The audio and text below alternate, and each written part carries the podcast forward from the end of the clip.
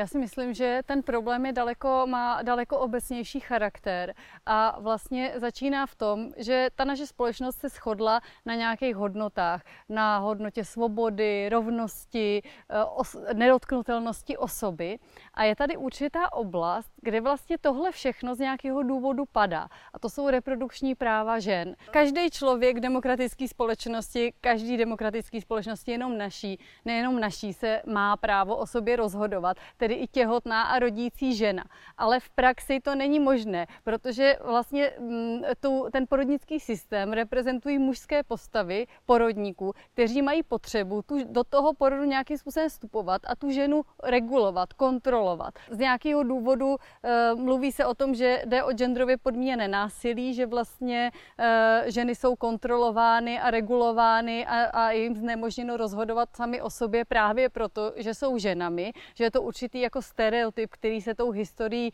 táhne a tohle je jedna z posledních oblastí, vlastně, která zůstává. A jedním z těch nástrojů, jak tu ženu regulovat, je uh, postavit restrikce ve vztahu k porodním asistentkám, protože to jsou ty primární pečovatelky, které o ženu mají pečovat, které jí rozumí, které rozumí všem těm porodním procesům, který umí poskytovat kontinuální péči, pečují o její emoční zdraví i o její fyzické zdraví a vlastně poskytují určitou, určité bezpečí e, emoční i fyzické a když ta žena je tohle připravená, tak e, ten proces, kterým prochází, je velmi komplikovaný komplikovaný a eh, ona je v něm znejišťovaná a ztrácí svobodu a eh, i do budoucna vlastně ji to může ovlivnit v tom, že není dostatečně sebevědomá, není schopná se za sebe postavit, protože je tak znejištěná v rámci celého tohohle procesu, že, eh, že jí to ovlivňuje i další život. Kontrola nad reprodukcí je kontrolou nad budoucím životem té ženy. Vlastně to, to, to reprodukční zdraví nebo těhotenství a porod je taková hodně jako neuch, neuchopitelná záležitost. Je to jako nepojmenovatelné, je to živelné, eh, je to něco, co není jako možné svázat do jednoduchých pouček, protože každá žena to prožívá trošku jiným způsobem a ke každé ženě je potřeba takhle přistoupit. A já si myslím, že některé lidi vlastně tahle nemožnost, tahle živelnost eh, jako trochu znervózňuje a eh, mají potřebu to svázat do nějakých jako parametrů, které potom můžou škodit těm těhotným ženám.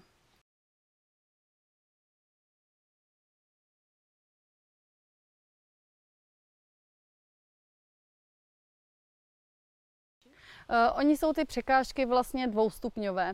Ten první stupeň je, že nedostanou něco jako podnikatelské oprávnění k výkonu činnosti, nemohou pracovat samostatně, ačkoliv na základě zákona toto právo mají, ale ministerstvo zdravotnictví vydalo předpis, který vlastně na ně klade takové podmínky, že nejsou schopné to právo naplnit. Takže už v té základní rovině vlastně uh, není jako jediná v České republice porodní asistentka, která by poskytovala autonomně služby. A ty porodní asistentky jsou vlastně vlastně eh, to, touhle regulací eh, velmi jako znejišťovány, nemohou eh, profesionálně poskytovat svoje služby, protože jsou vlastně, je v nich vyvoláván neustále strach z toho, že dělají něco špatně a je to velmi nedůstojné.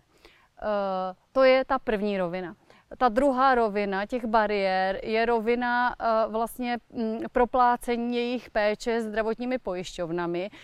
a tam jsou dvě, dva druhy překážek. Primární je, že vlastně jejich služby jsou propláceny jenom na základě indikace lékaře, což jde přímo proti zákonu o, mm, vlastně porodních asistentkách, eh, který říká, že porodní asistentka eh, eh, pracuje samostatně bez indikace a dohledu, ale zákon o, zdravotní, o zdravotním pojištění na to nenasedá a vlastně stále se vyžaduje indikace lékaře, což můžu ukázat na takovém banálním příkladu, když třeba žena po porodu má zánět prsu a potřebovala by, aby přišla k ní domů porodní asistentka a podpořila jí, pomohla jí, jak tuhle situaci vyřešit, tak eh, ta žena tohle udělat nemůže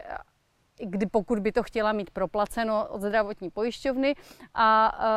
uh, musí vlastně zajít třeba ve čtyřicítkách horečkách za svým ginekologem, od toho si vyžádat indikaci pro porodní asistentku, jít zase s tím miminkem novorozeným v těch horečkách domů a tam vyčkat, jestli teda přijde nějaká porodní asistentka a ještě závislá na tom, jestli ten lékař tu indikaci dá, což je jako velmi neobvyklé, protože ti lékaři tu indikaci nechtějí dávat, protože to pro ně konkurenční prostředí. Takže je tam jako velká bariéra eh, v otázce té indikace. A eh, další typ bariéry ohledně zdravotního pojištění je, že vlastně eh,